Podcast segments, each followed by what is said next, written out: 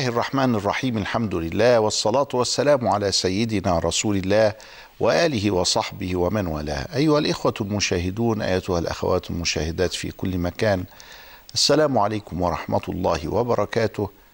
وأهلا وسهلا بكم في حلقة جديدة من حلقات الحكم العطائية. في هذه الحلقة يقرر الشيخ رحمه الله تعالى حقيقة لا بد منها حتى نفهم بعمق. الكنز المخفي تحت العرش لا حول ولا قوة إلا بالله. حتى نفهم بعمق حقيقة الحادث والقديم. حتى نفهم بعمق حقيقة الخالق والمخلوق. فمن عرف نفسه فقد عرف ربه. وذلك أن الإنسان يعرف من نفسه أنه محدود. ولذلك فربنا سبحانه وتعالى لا نهاية لبدايته ولا نهاية لنهايته فلا هو الأول وهو الآخر. ليست له بداية وليست له نهاية ولا يحيطه زمن ولا يحده مكان. سبحانه وتعالى هو الظاهر وهو الباطن وهو العليم وهو بكل شيء محيط. الإنسان يعرف نفسه أن له بداية بالميلاد وله نهاية بالموت.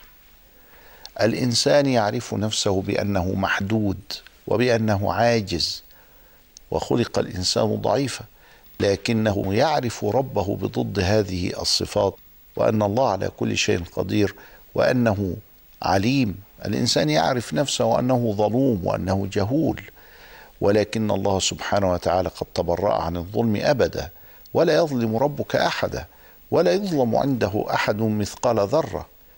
والله سبحانه وتعالى عالم عليم بكل شيء بالماضي وبالحاضر وبالمستقبل. يقرر الشيخ هذه الحقائق ويعطينا مفتاح هذا الأمر وهو أن هذا الكون بيد الله وأنه لا يزال ربنا سبحانه وتعالى يخلقه. ولذلك فإذا قطع عنا الإمداد سبحانه فإننا نفنى وليس نموت. نموت لسه جسدنا موجود وبنروح نغسله ونكفنه ونصلي عليه وندفنه ده موجود لسه. لكن كل هذه السماوات وكل هذه الأرض وكل هذا الخلق هو شعاع مثل والله سبحانه وتعالى علمنا من أجل أن نضرب المثل للفهم وبضرب المثال يتضح الحال. مثل السينما. السينما هي عبارة عن إشعاع وهذا الإشعاع يتسلط على الشاشة فتخرج الشخوص وتتم القصة. لو أننا أطفأنا هذا الشعاع أو أطفأنا المكنة التي تشتغل أصبحت الشاشة بيضاء فنت الشخوص وفنى الفيلم اللي بنتفرج عليه ده. هذا الكون هو هو هكذا.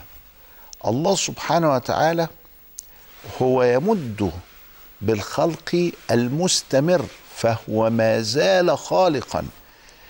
بعض الناس يعتقد أن الله قد خلق الكون ثم تركه وهو وحده يعمل هو ليس يعمل وحده. هو يعمل بناء على أن الله يخلقه كل ثانية كل فيمتو ثانية. يعني هو في خلق مستمر.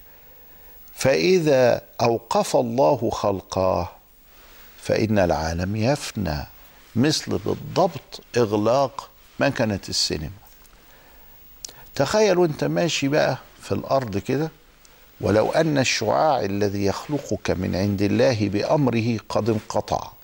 لم يرده الله لم يرد أن تستمر فإنك تختفي تتبخر. لا وجود لك.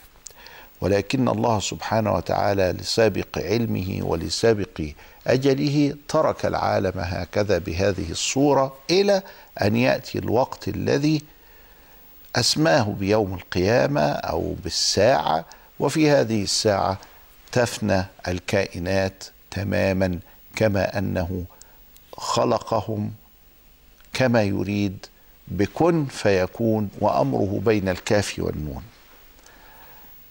وما خلقكم ولا بعثكم إلا كنفس واحدة.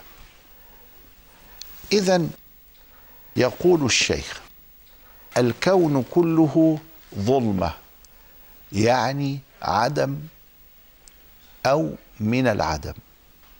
الكون كله ظلمة وإنما أناره ظهور الحق فيه. كل هذا الكون هو ظلام في الحقيقة مثل ظلام السينما بعد إغلاق الفيلم. مفيش أنوار مفيش حاجة. ولكن لما شغل الفيلم بامره كن فكانت كل هذه الكائنات. وإنما أناره ظهور الحق فيه في هذه الكائنات. وهذا معنى قول الشاعر وهو يقول وفي كل شيء له آية تدل على أنه واحد.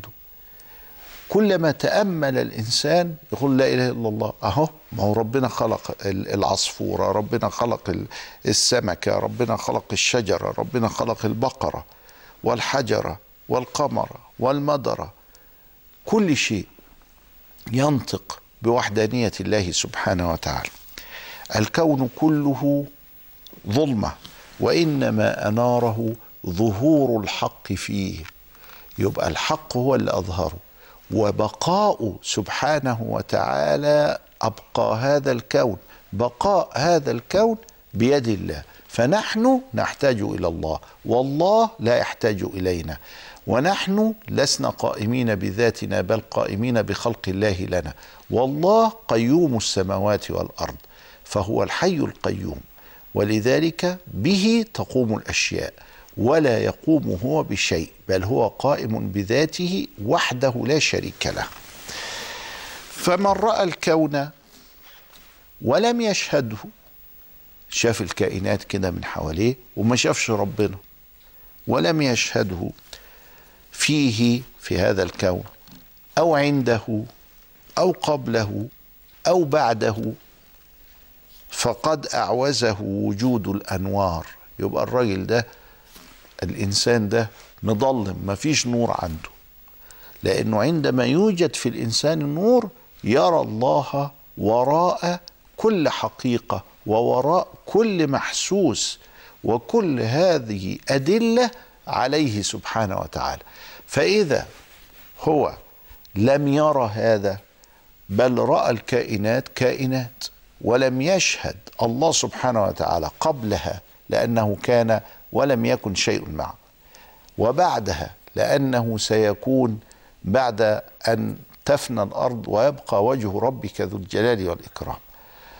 أو عندها أو أنه هو القيوم الذي تقوم به السماوات والأرض. وأن كل شيء إنما صدر منه سبحانه وتعالى خلقا وأن الخلق مستمر. وأنه لم يتركنا عبثا وأنه بعدما خلقنا كلفنا وشرفنا بالأنبياء وشرفنا بالكتب وشرفنا بأن أنبأنا وعلمنا ما الذي يرضيه وما الذي نتقرب إليه به فهو قد أعوزه وجود الأنوار. انظر الأدب. لم يقل إنه كافر ولا ملحد ولا كذا إلى آخره. بل إنه قد افتقد النور الذي يرى به وكأنه عطوف عليه يدعو الله أن يهديه إلى وجود هذا النور حتى يرى الحقيقة وأن كل شيء من حولنا إنما هو من عند الله خلقا ومن عند الله استمرارا. وحجبت عنه شموس المعارف بسحب الآثار. كل شيء في الكائنات التي حولنا يسمونها آثار. وهذه الآثار تسبب حجابا فالمحجوب هو الإنسان. الله لا يسمى محجوبا المحجوب هو الإنسان. فإن الله سبحانه وتعالى أظهر من كل الكائنات وأظهر من كل دليل. ولذلك فلا يمكن أن نصفه بأنه محجوب بل ربنا سبحانه وتعالى ظاهر ولكن يجب عليك أن تراه ابتداء ووسطا وانتهاء في الأشياء. كل هذه الأشياء تدل على أنه سبحانه وتعالى هو الواحد. حقيقة أساسية لفهم كل الحكم العطائية ولفهم لا حول ولا قوة إلا بالله ولفهم درجة ما معنى العارفين بالله أو ما معنى مثلا الفتح أو ما معنى الوصول إلى الله هذه الحكمة حكمة أساسية تأتي في الحكمة رقم 14 في الحكم العطائيه الكون كله ظلمة أي أنه عدم محض وإنما أناره ظهور الحق فيه. هذا المثال اجعله في ذهنك دائما. أننا نتفرج على فيلم الذي أخرجه وصنعه وأنتجه وهو الذي ادار آلته هو الله.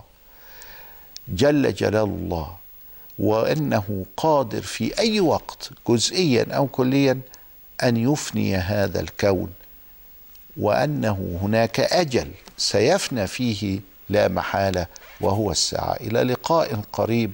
أستودعكم الله والسلام عليكم ورحمة الله وبركاته.